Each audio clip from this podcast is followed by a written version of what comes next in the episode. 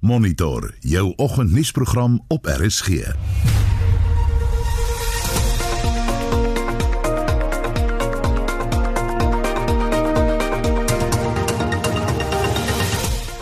ons program restaurante betoog vandag teen die uitwerking wat die inperking op hulle het. En ons is verskriklik afhanklik van die toerisme. Mense het van oor af afgekom om hier te kom eet want hier is genoeg kos vir almal se smake en jy kon oral sit met die lieflikste uitsig oor die see. Hier was 'n bas, mans wat op die hoek gestaan en kreef en mossels verkoop het, die kindertjies in die strate met die draadhartjies wat hulle probeer verkoop. Ons berig deurlopend daaroor. 'n Nuwe ekonomiese peiling van die Buro vir Ekonomiese Onderzoek wys ook op die hoë koste van die COVID-19 inperking. Die maatreël was die harde lockdown, streng beperkings en jy die ekonomie vir 8 weke afgeskakel. Daai verlies aan werksgeleenthede, inkomste en dan die gevolge daarvan armoede, hongersnood, daai koste moet jy opweeg teen die voordeel van keer dat minder mense sterwe. En in regeringskringe word daar druk beredeneer oor die sluiting van skole. Goeiemôre, ek is Gustaf Greiling. My naam is Anita Visser.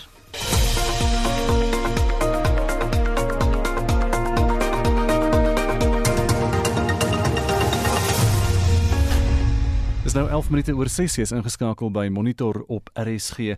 En 'n oorsig oor die koerant voorblaaie van Woensdag die 22ste Julie. Die burger vanoggend SAL beleggings erger as dobbel. Kommer oor pensioenfonde as bron van finansiering en dis nou na minister Tito Mboweni dit as een van 5 moontlikhede genoem het. Daar's ook 'n berig wat sê brandewyn en bier is toe nie bobaas. Beeld se voorblad vandag ook oor die SAL geld en geen pensioenfonds sal in die lugdiens wil belê nie, sê ekonom en nog 'n foto van 'n renoster stropery begin nou weer en renosters word onthoring. Volksblad vandag ma wil 'n veldtog begin en dit nadat haar 16-jarige seun sy eie lewe geneem het. Herman Odendaal was te sag vir hierdie wêreld, sê sy ma. Business Day se voorblad, shock new figures lay bare SA's plight en is die uitslaa van 'n sakebarometer wat nog nooit voorheen bekend gemaak is nie oor hoe erg die COVID-krisis se impak is en ons praat ook later vanoggend daaroor. Dan internasionaal op bbc.com, Trump gee toe dat die koronavirus erger gaan raak. En is vinnige oorsig van vanoggend se nuus. Intussen restaurante dwars oor Suid-Afrika gaan na verwagting vandag aan 'n sogenaamde miljoen sitplekke op die strate betoging deelneem. Nou die betoging is gemik teen die inperkingsregulasies wat 'n ernstige impak op daardie besighede het. En ons volg die storie vanoggend deurlopend hier op monitor. Maar intussen wil ons by jou weet was jy nou al in 'n restaurant sedert die regulasies so bietjie verslap is? Hoe was jou ervaring en sal jy dit weer doen? Of is jy van daai wat sê nee ravioli en melk werk nie vir my nie. Laat vir ons weet hoe voel jy oor restaurantbesoeke? As jy bang daarvoor? Stuur vir ons 'n SMS na 45889 onthou dit kos R1.50 jy kan ook gaan na Facebook, daai adres facebook.com vorentoe skynstreep ZRC of WhatsApp vir ons 'n stemnota na 076 536 6961. Dis 076 536 6961. Dis nou 14 minute oor 6 en ons bly by hierdie storie. Een van die deelnemers aan vandag se vreedsame protesoptrede, Walmy Olivier, is 'n restaurantbestuurder in die kusdorp Paternoster in die Wes-Kaap. En sy het aan Marlene Forsie gesê, die dorp se inwoners kry reeds swaar weens die inperkingsregulasies se impak op die visvang en toerismebedryf. En nou lê verskeie gesinne se toekoms in die weegskaal weens die verbod op drankverkope. Paternoster is bekend as die foodie heaven van die Weskus en ons is verskriklik afhanklik van die toerisme. Mense het van oor af afgekom om hier te kom eet want hier is genoeg kos vir almal se smake en jy kon oral sit met die lieflikste uitsig oor die see. Hier was 'n bas, mans wat op die hoek gestaan en kreef en mossels verkoop het, die kindertjies in die strate met die draadhartjies wat hulle probeer verkoop. Die mense het kom kyk toe die bootjies op die strand hulle daaglikse vangs verkoop. Voor Covid was die gastehuise vol en daar was voete vir al hierdie restaurante. Maar met die streng regulasies sukkel restaurante en gastehuise om oop te bly. So mense wil nie regtig na dorp toe kom wat op die stadium nie veel bied vir oorslaap en uiteetgeleenthede nie. Haar restaurant Gaatjie loop erg duur. Toe ek nou hoor van die nasionale protes van Million Seats on the Streets, uh, het ek gevoel ons moet ons stemme ook laat hoor al is ons so klein dorpie. Al die ander restaurante het gesê hulle staan saam, so vandag sit ons almal saam as 'n restaurantgemeenskap. Ons lees stoele hier in die straat om te pleit dat president Cyril Ramaphosa asseblief die inperkingsregulasies op die restaurantbedryf sal hersien. Sê hulle doen die beroep veral ter wille van hul werknemers wat hoofsaaklik vroue uit die gemeenskap is. By meeste van die ander restaurante is die personeel ook ten minste 90% vrouens wat in ons gemeenskap woon. 95% van hierdie vrouens is ook die broodwinners van hulle families. Baie van die dames se mans het glad nie werk nie omdat dit so sleg gaan met die visvangindustrie.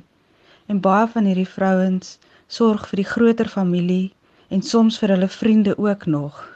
So die geld wat hulle verdien, moet verstrek. So as die restaurant waarby hulle werk toemaak of nie funksioneer nie, is daar heelwat mense in die gemeenskap wat daaronder ly, nie net die restauranteienaar self nie. Dit was wel my Olivier, die bestuurder van die Gaatjie restaurant in Paternoster. Sy nou werknemer se storie is dieselfde as die van duisende mense in die restaurantbedryf landwyd. Dit word vandag tydens die 1 million seats in the street protesoptrede beklemtoon. Ek's Marlene Forsie vir SAK nuus. En so teen kwart voor 7 vanoggend berig ons verder oor hierdie storie. 'n Ekonomiese peiling deur die Buro vir Ekonomiese Onderzoek, die keer onder hulle eie ekonome, dui weer eens op die hoë koste van die COVID-19 inperking. Hoewel hierdie peiling reeds sedert 2005 op 'n kwartaallikse grondslag gedoen word, is dit die eerste keer dat die uitslae bekend gemaak word. Die adjunkdirekteur van die BER by die Universiteit van Stellenbosch, George Kershoff, het aan Mitsi van der Merwe verduidelik dat een van die aanwysers, sakevertroue, van die reeds lae syfer van 17 tot 7 gedaal het. Die ekonomie was al in 'n afswaai vanaf middel 2014. Dit maak dit nou die langste afswaai sedert die Tweede Wêreldoorlog en is basies die langste wat ons nog ooit gemeet het en dit sê dat die ekonomie onderpresteer.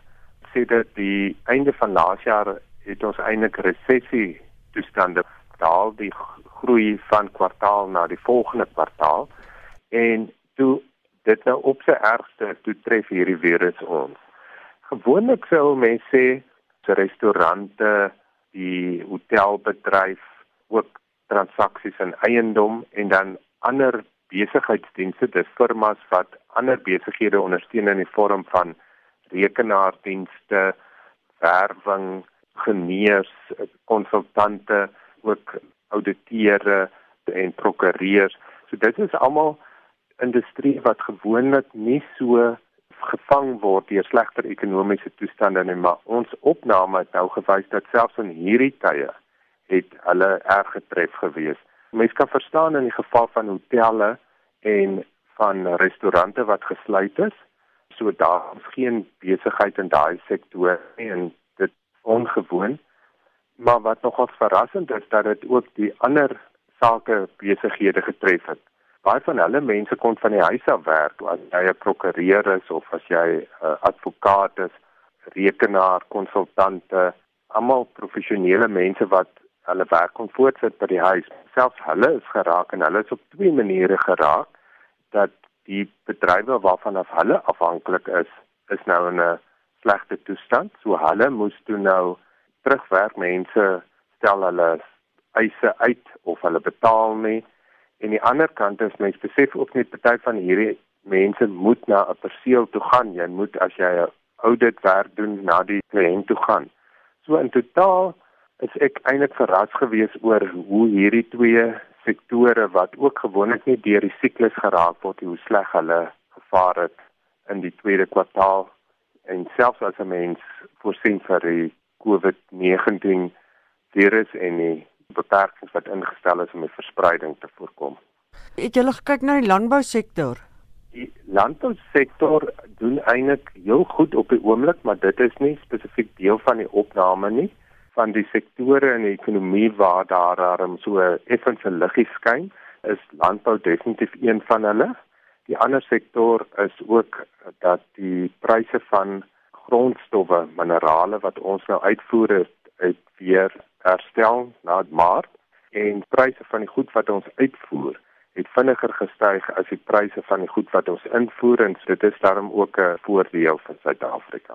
Jy het gepraat van 'n neuwe effek wat inderdaad op die einde baie erger gevolge gaan hê as die pyn. Dit is baie moeilike beleidsbesluit gewees toe die regering gekonfronteer is met die inligting oor die virus en die impak daarvan oor Suid-Afrika in epidemioloë en ander spesialiste het modelle saamgesit en dit het almal geweldige groot stygings in aantal gevalle en sterftes voorsien. Alles in die lewe is ongelukkig te trade-off. So die regering moes kies wat om te doen om te keer dat groot hoeveelheid mense daarvan sterf die maatreël was die harde lockdown, streng beperkings en jy die ekonomie vir 8 weke afgeskakel. Daai verlies aan werksgeleenthede, inkomste en dan die gevolge daarvan armoede, hongersnood, daai koste moet jy opweeg teen die voordeel van hier dat minder mense sterwe. As ek 'n analogie gebruik van wat 'n dokter as hy medikasie gee, dan sê hy gewoonlik vir jou hierdie medikasie gaan vir hierdie simptoom help, maar dit het ook hierdie neeweffekte. En dokters sê spesifiek die neeweffekte mag nie die voordele van hierdie medikasie oorskry nie. En ons sit nou hier in 'n land waar die ekonomie regtig op sy knieë is en waar 'n mens begin te wonder of die voordele van hierdie medikasie die neeweffek nie die voordele van dit aanvanklik oorskry nie. En die man wat wonder daaroor is George Kershoff. Hy is adjunkdirekteur by die Buro vir Ekonomiese Navorsing aan die Universiteit Stellenbosch en Mitsi van der Merwe het daardie onderhoud met hom gevoer. Dis nou 22 minute oor 6 jy luister na Monitor op RSG en ons bly by die ekonomie en die sakeverslag word nou aangebied deur Nelis Brink van PSG Wealth R21 in Pretoria in Stellenbosch. Môre Nelis. Môre Gustaf. Gemengde verhandelinge in die FSA oor die bekommernis van die tydsberekening van die volgende stimuluspakket. Daar's politici wat meen dat daar dalk 'n onderbreking kan wees tussen die huidige verligting en die volgende pakket. Dit gee vir ons die Dow Jones op 'n groen met plus 0,6%, die S&P 500 in die groen met 0,17, maar die Nasdaq in die rooi met minus 0,8%. Die toppresteerders daar, Chevron Corporation met plus 7% en Exxon Mobil met 5%. Gister se wenners dan natuurlik vandag se verloorders met Apple en Microsoft albei minus 1,4%. Die Verenigde Koninkryk maar 'n sywaartse dag met die FTSE 100 in die groen met 0,13. Die DAX goed presteer op 1%. In Suid-Afrika reken professor Karim, die hoof van ons COVID-19 ondersoekspan, dat ons baie naby aan die piek van die virus is en die infeksiesyfers sal afneem na Oktober. Dit het 'n positiewe effek op ons beurs gehad met die JSE in die groen met 0,28%. Die toppresteerders daar natuurlik Cartrack met 8%, Datatech met 7%. Verloorder vir die dag natuurlik Telkom minus 8,4%. Die ooste maar 'n baie sywaartse oggend gehad met die Hang Seng in die groen met 0,26% en die Nikkei in die rooi met minus 0,24%. Australië het gister al hoogste infeksiesyfers per dag getoon en redelik sterk teruggesak met die ASX 200 in die rooi met minus 1,15%. In kommoditeite is goud baie naby aan 'n rekordhoogte wat maar 'n bekommernis vir enige sektor is met goud nog verder op op 1857 dollar per fyn ons, platinum 884 dollar per ons. Brent 3 olie ook bietjie verder op teen 44.21 per vat. In die wisselkoerse het ons dan 'n goeie nuus met die rand wat verder versterk teenoor buitelandse valuta met die rand dollar op R16.39, die rand euro R18.92 en die Suid-Afrikaner sal R20.87 vir 'n pond betaal. Die dollar euro redelik vas op gister se prys teen $1.15. Groet julle op daardie positiewe nuus sit op julle maskers en onthou tyd in die mark kweek sukses. Dankie Gustaf. En dit was dan die sakeverslag aangebied deur Nelis Brink van PSG Wealth R21 in eh, Pretoria en Stellenbosch. Jy luister na Monitor elke weekoggend tussen 6 en 8. Die hoofnuus Suid-Afrika het die afgelope 2 dae effense afname in bevestigde COVID-19 gevalle getoon met sowat 8000 die afgelope 24 uur. En die minister van toerisme, Mamoloko Kubain Gubane, het ingestem om met lede van die restaurantvereniging en ander in die drankbedryf te vergader. Bly ingeskakel. Daar is geen verkeer. Jy gaan nie veel aan in die verkeer vanoggend nie, net een geval op die N3 noordwaarts hier. Verkeer is maar druk daar op pad na die Petroport dienstasie toe. Dis nou noord van Heidelberg se kant op die N3 suid van Johannesburg. As jy weet van enigiets anders, dan kan jy vir ons natuurlik 'n SMS aanstuur na 45889 en dit kos R1.50. Die fokus hier by Monitor op restaurante vanoggend verskoon my. Is dit wat sê ons luisteraars was hulle nou al sedert hulle mag weer restaurant toe of nie? Ehm um, dis Vincent hier. O, jammer. En uh, ons het lekker stemnote. ons lekker stemnote van ons luisteraars ontvang oor hulle ervarings in die um, ingeperkte regulasies vir die restaurante. Kom ons hoor gou. Uh Patrickie van van der Byl. Nee, ek sal nie in 'n restaurant gaan eet nie. Ek dink McDonald's se drive-thru is veiliger as om in 'n restaurant te eet. Baie dankie Patrick van van der Byl. Geniet julle dag. Môre RSG, dis Santi hier van 'n plattelandse dorp. Gister het ek en my vriendin by 'n restaurantjie in ons dorp gaan uit eet. Ehm um, dit was 'n wonderlike ervaring om weer 'n bietjie uit te kom en bietjie getreed te word. Ons is ingewag met 'n boek waarin ons net ons name en ons kontaknommer en ons temperatuur moes inskryf. Die ehm um, een van die waiters het ons temperatuur geneem, gesit, heerlik kos bestel, heerlik geëet. Al wat kort gekom het was die wyntjie Ons het baie na ons glasie wyn verlang. Verder was dit 'n baie goeie ervaring en almal was vriendelik, maar daar was regtig aansienlik baie min um customers.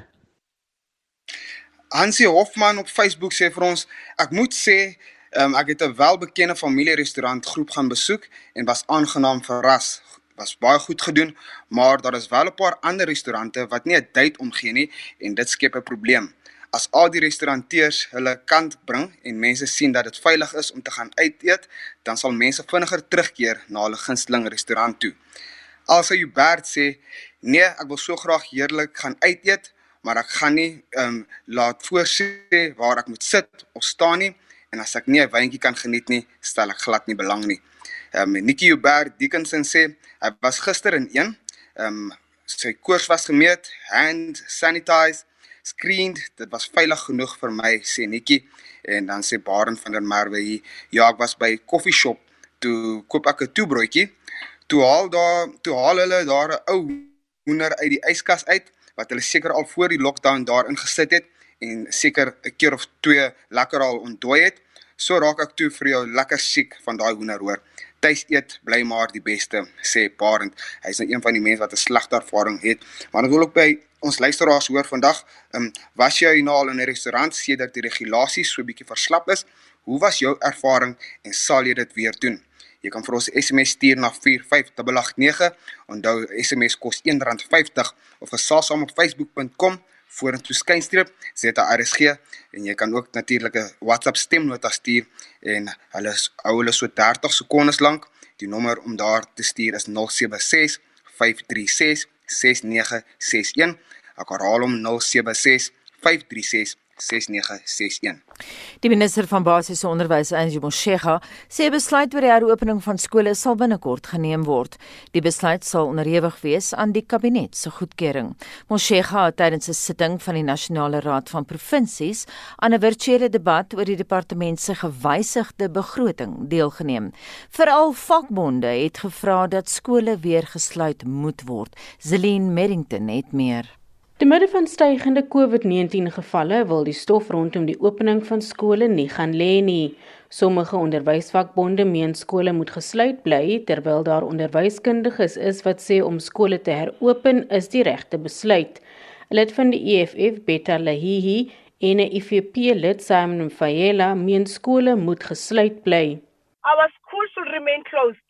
Children in all quantities who benefited from school nutrition should receive special food relief package in the absence of the school feeding scheme. The IFP has since the very beginning warned against the danger of reopening of schools amidst the COVID-19 pandemic and warned that schools were ill equipped to ensure the safety of learners, teachers and support staff. The recent dramatic increase in COVID-19 infection in the province of KwaZulu-Natal and the provincial education department decision not to phase in additional grades during the month of July reflects the severity of the situation. Maar 'n lid van die DA, Delmain Christians, sê kinders is beter daaraan toe by die skool. It is to the benefit of the country's children that schools remain open and adequately provided for.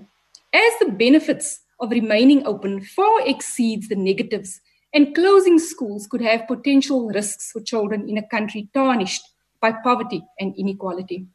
Two leading educational experts, Servaas van der Berg and Nick Paul, as well as South Africa's leading scientist, Dr. Abdul Karim, have reported that research proves children's vulnerability to COVID 19 is very low, lower than their susceptibility to influenza.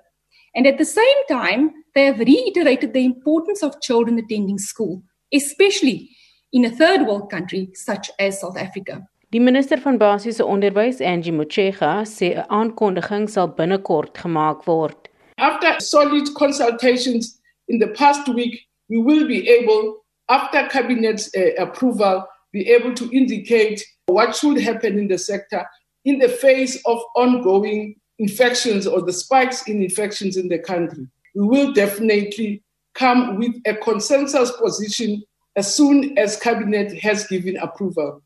Dit was die minister van basiese onderwys Angie Motshega, Zelin Merrington, Parlement.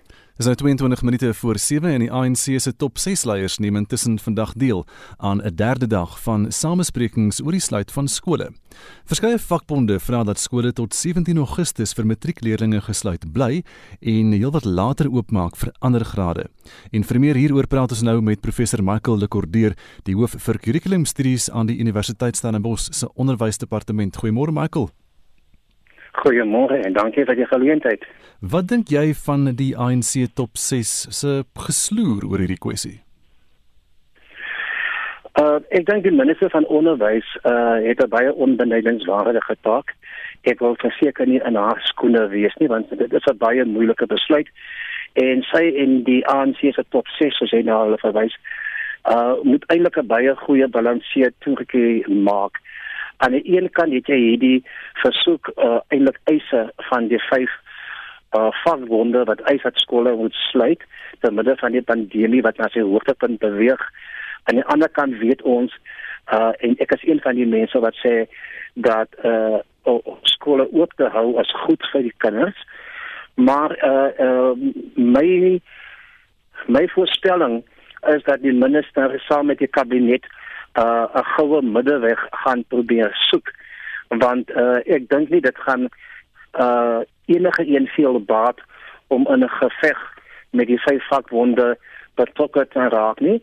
Ehm um, en ek dink daar sal gekyk word na 'n 'n 'n middeweg in op hierdie stadium en en en ek dink ons moet daaroor gesels.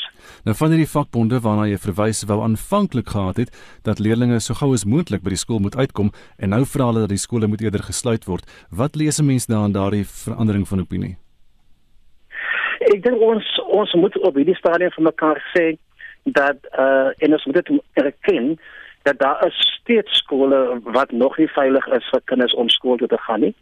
Uh ek beweeg bietjie rond tussen skole ek ek kyk na wat gaan aan op die op die grondvlak en en dit is ongelukkig so dat daar is skole wat op hierdie stadium nie veilig is nie.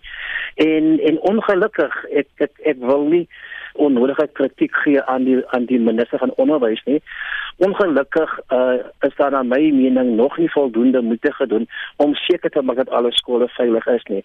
So in daardie opsig dink ek uh gaan die minister haarself ook tyd gee om om en ek dink werklik waar dat uh, ons moet verwag dat skole vir as dit dan ook net vir 'n tydjie gaan sluit uh sodat sy al die verskillende balle in die lug kan hou aan die een kant moet sy die vakbonde uh tevrede stel, gelukkig hou want jy weet vakbonde verteenwoordig al die onderwysers. En een van die vernaamste aspekte vir goeie eh, onderwys om te kan plaasvind is dat kinders moet skool gaan in 'n omgewing wat bevorderlik is vir onderwys. En op hierdie stadium bestaan daar die uh, onbevange omgewing in baie skole nog nie. Uh, baie onderwysers is het, het angs, hulle is paniekerig, hulle is onseker en totdat daardie vrese aangespreek word, dink ek nie dit is wenslik om op hierdie stadium ehm um, uh, die vakbonde se pleidooi te ignoreer nie. Uh, maar aan die ander kant weet ons en daar is genoegsame bewyse my ek het kollegas hier op Stellenbosch wat dit ook al met navorsing kon bewys dat dit is goed vir kinders om in die skool te wees. Hulle is veilig in die skool. Hulle kry 'n 'n voedsame maaltyd. Hulle hmm. was gereeld hulle hande en in in alle ander sosiale afstande. So om in die skool te wees het ook sy voordele. Maar daar is 'n voorwaarde. Mits daardie skool veilig is vir die kinders om in skool te gaan. So ehm um, ek ek wil herhaal, ek dink die minister gaan gaan soek 'n middelweg. Ek dink ons moet verwag dat skole minstens vir 'n week of twee gaan sluit en dan wil ek hoop dat die minister daardie tyd sal benut om die skole wat nog nie veilig is nie, uh veilig sal maak terwyl ek dink die die die onderwyspersoneel hulle gereed moet maak om te kyk na hoe die kurrikulum aangepas kan word. Jy praat nou so van die kurrikulum want die die ander probleem is natuurlik die COVID-19 gevalle is nog steeds besig om toe te neem en baie vinnig ook. Hoeveel beweegruimte is daar nog oor om hierdie jaar te kan red as jy nou kyk na die res van die jaar langtermyn? Ja, kyk, mens, ek wil onderskei tussen akademiese jaar en hmm. en die onderwysprojek. As ons dink in terme van 'n akademiese jaar wat bestaan uit eksamens en en dan dink ek moet ons aanvaar dit gaan nie gebeur nie. Ons het nie 'n maart en junie vakansie gehad nie. Die kans is baie goed dat gaan die as 'n kindereksamen wees nie. So in terme van 'n eksamen aan die einde van die jaar van graad 1 tot graad 11, dink ek sal ons baie kreatief en innoverend moet dink uh, ek ek kan nie sien dat ons 'n volledige eksamen gaan hê aan die einde van die jaar daarvoor nie. En en daarvoor sal die onderwyspersoneel, die onderwysers, die skoolhoofde en die vakadviseurs sal moet koppe by mekaar moet sit en hulle sal moet besluit wat is werklik noodsaaklik vir ons kinders om op hierdie stadium te leer. Ehm um, ek wil beklemtoon dat ek dink 'n matriekeksamen op hierdie stadium is die enigste volwaardige eksamen wat ek dink steeds sal kan plaasvind en ek dink vir die ander grade sal daar gekyk moet word na 'n alternatiewe manier van assessering. Ehm um, maar dit dink ek moet besluit word saam met onderwyspersoneel, saam met die onderwys sirs en hulle vakadviseurs en dink hulle is in die beste situasie om daaroor te kan besluit. Dink jy die kurrikulum gaan so effens afgewater word in die proses? Ek sal versigtig wees om te sê afgewater. Kyk, ons staan hier aan die voorpunt van Augustus. So ons het geen keuse as om die kurrikulum soos hy opgeteken is in dokumente of in handboeke te verander nie. Jy kan tog nie van Augustus tot November 12 maande se werk inpas nie. Dit dit is gewoon nie moontlik nie.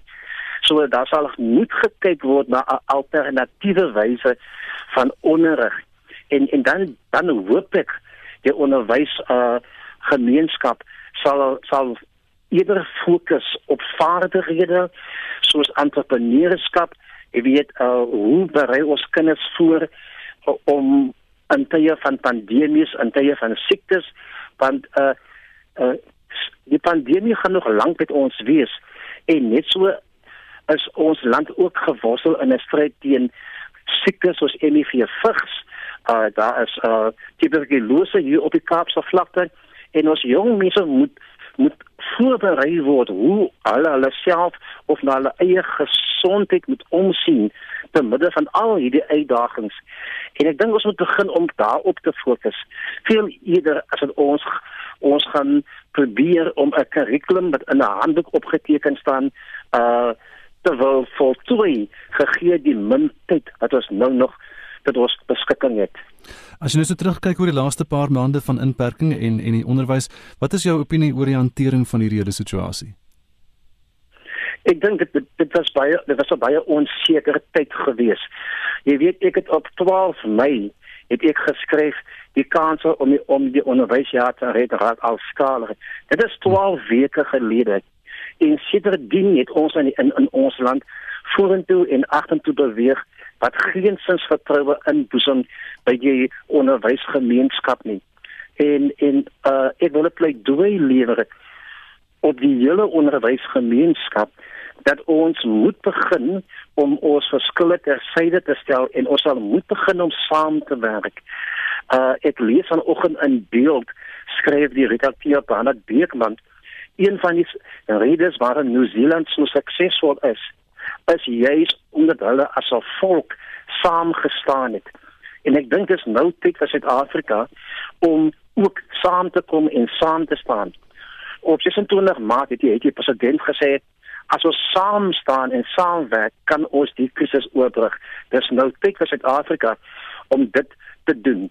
Die feit dat die kabinet nou al so lank gewikkeld is oor selfs oor hierdie kwessie wys vir ons dat daar is nie 'n maklike oplossing nie. So wat ook al hulle besluit gaan wees, hulle gaan kritiek hê. En die beste wat ons kan doen as Suid-Afrika is om op hierdie stadium te sê ons moet nou saamkom en ons moet net twee dinge voor oë hê. Die een, wat is in die beste belang van ons kinders? En tweedens, wat is die beste vir Suid-Afrika? Hmm. Daai twee beginsels moet ons besluite rig en ons moet wat ons ook al gaan doen moet ons daai twee beginsels altyd in gedagte hou. Michael baie dankie dit was professor Michael Lekordeer die hoof van kurrikulumstudies aan die Universiteit Stellenbosch se onderwysdepartement 12 minute voor 7 en ons beweeg na die sportveld met Shaun Jooste. Gisterand se sokkeruitslaa in die Engelse Premier League het Watford met 4-0 deur Manchester City afgeronsel en Aston Villa 1-0 teen Arsenal gewen. Vanaand se weer met Manchester United teen West Ham United en Liverpool kwart oor 9 teen Chelsea kragte. In die Serie A in Italië het Sassuolo 2-1 teen AC Milan verloor en Atalanta het Bologna met 1-0 geklop. Vanaand half 8 speel Parma teen Napoli, kwart voor 10 Inter Milan teen Fiorentina en Spal teen Roma. Organiseerders van die Ballon d'Or, die speler van die jaar toekenning het aangekondig dat daar geen wenner hierdie jaar sal wees nie. Die koronaviruspandemie het veroorsaak dat sommige ligas vroeg beëindig is en heelwat wedstryde moes agter geslote deure gespeel word. Die vroue toekenning wat in 2018 begin het, is ook gekanselleer. Die Argentyn, Lionel Messi, het die toekenning verlede jaar vir 'n rekord 6ste keer gewen. Op die golfbaan slaan die Britse meesters op die Europese toer so 8 uur se kant by die Close House Golfklub in Northumberland in Engeland af. Daar is 11 Suid-Afrikaners wat deelneem en dit sluit Dean Burmester, Louis De Jager, Justin Harding, Zander Lombard, JC Ritchie en Brandon Stone in. Marcus Kinnold van Swede is die verdedigende kampioen. Grayson Murray is die jongste speler op die PGA Tour om positief te toets vir die koronavirus, maar het homself in afsondering geplaas en sal die week se 3M Ope in Minnesota misloop. Hy is die sewende speler om positief te toets sedert die toer in Junie hervat is. En laastens in cricketnuus. Die Raad vir Cricketbeheer in Indië het bevestig dat hulle oorweeg om die IPL-reeks vir die tweede keer in 6 jaar in die Verenigde Arabiese Emirate aan te bied. Die toernooi sal tussen September en November gespeel word en die betrokke regering kan besluit of wedstryde met of sonder toeskouers sal plaasvind. Die raad wag nog vir goedkeuring van die Indiese regering om met die planne voort te gaan. Shaun Schuster, SAK Sport. Dis nou 6:50 jy luister na Monitor. Die restaurantvereniging van Suid-Afrika gaan vandag saam met die Taverne Vereniging en die Onafhanklike Drankvereniging 'n memorandum aan die minister van toerisme oorhandig. Hulle vra dat die verbod op drankverkope heroorweeg word om duisende restaurante en vervaardigers van ondergang te red. 'n Brief hieroor is ook aan die presidentsie gerig. Die Million Seats on the Streets veldtog vind boonop ook vandag landwyd plaas en ons praat nou met Wendy Albert Roberts van die restaurantvereniging. Goeiemôre Wendy. Goeiemôre, hoe gaan dit vandag? Dit gaan goed met ons. Ons hoop dit gaan beter met julle gaan. Hoekom nou eers hierdie memorandum as julle so lank al in 'n penarie is? Uh, we've certainly, you know, the last 20 weeks have outlined the hardship that the industry has faced. and we certainly have tried at every level to communicate and engage with uh, government. So we have called for the president to meet for us today, and we've had fruitful engagements with the Minister of Tourism, who certainly has supported the industry and has given us uh, time and advocacy as well as consultations and communications throughout the time. Many of what we, or, or many of what's in the memorandum, is not necessarily resting within the minister's portfolio. So the correct people really to be having meetings with would be Minister Patel and the Minister of COCTA. So that is imperative. So we appreciate the support of government to um, allow us an opportunity to hand the memorandum over. But in effect, it is still not the right people for us to be having a conversation with. Maar nou julle het ook 'n uh, 'n brief aan die president gestuur aan die presidentsie. Absolutely. You know, we um, are outlining that corona is here for a very long time and liquor is a part of our industries and our, our lives. And we need to look at viable solutions and workable solutions that both industry and government can work forward in allowing the lift of the alcohol ban. So we certainly do have a area triage system that we've proposed. Uh, we've got the necessary um, liquor passports or booze passports, whichever way you want to call it. And it really is about educating and communities taking responsibility of people who cannot consume alcohol responsibly. Mm. So, in effect, if you're a responsible area, you get a white area and you get to go ahead to serve alcohol within liquor stores and restaurants and so forth. And if you're a red area and you're high risk and there's constantly problems in the area as a result of liquor and irresponsible liquor consumption, then you're a red area. And until the com- community takes care of each other, because we feel the communities as well can stop a lot of the arguments and problems that happen before it gets to the hospitals. So we are hoping that the um, president will favourably look at this proposal and work with the different parts of industry that have compiled it together to bring it into the forefront and lift the liquor ban. And the next part that's very important to us is lifting the curfew. You know, we've asked why um, for, for the scientific evidence and the mitigated risk to show that corona happens after nine o'clock at night. It's complex. We can't run our businesses with a curfew. And we certainly are looking for relief and compensation how we re rebuild our businesses. Mm -hmm. Jy het laas op monitor vir ons 'n baie grafiese prentjie geskets oor presies hoe hoe swaar die restaurantbedryf kry Wendy. Het vir ons syfers genoem. Kan jy daai net herhaal vir mense wat daai onderhoud uh, gemis het? So we're looking at uh, around about 30% of restaurants that have closed completely. They'll never reopen their doors. Of the 70%, 50% of those 70% are unsure if they will ever be able to open their doors. There's too many factors. We're looking at things obviously like the insurance company payouts, landlords, um, the UIF, the TERS. We're grateful now. Yesterday we heard that the TERS has been extended, so that certainly is a relief. Um, and the component whether or not the liquor ban is lifted, the extension on the curfew is done. And within that scope of works, we have lost around about 400,000 retrenchments. So the workforce that we've got and the skills retention is certainly being diminished at a daily rate. I mean, restaurants simply do not have the cash flow to continue keeping their doors open until um, these decisions have been made. Kan jy ons meer vertel oor die Million Seats on the Street veldtog wat vandag gaan plaasvind? So the Million Streets on the Million Seats on the Streets campaign is really to highlight to governments that our restaurant seats are empty. You know, we we fill more than a million seats around the country. We've got some of the most beautiful restaurants. They're iconic. They are key to international and uh, domestic tourism.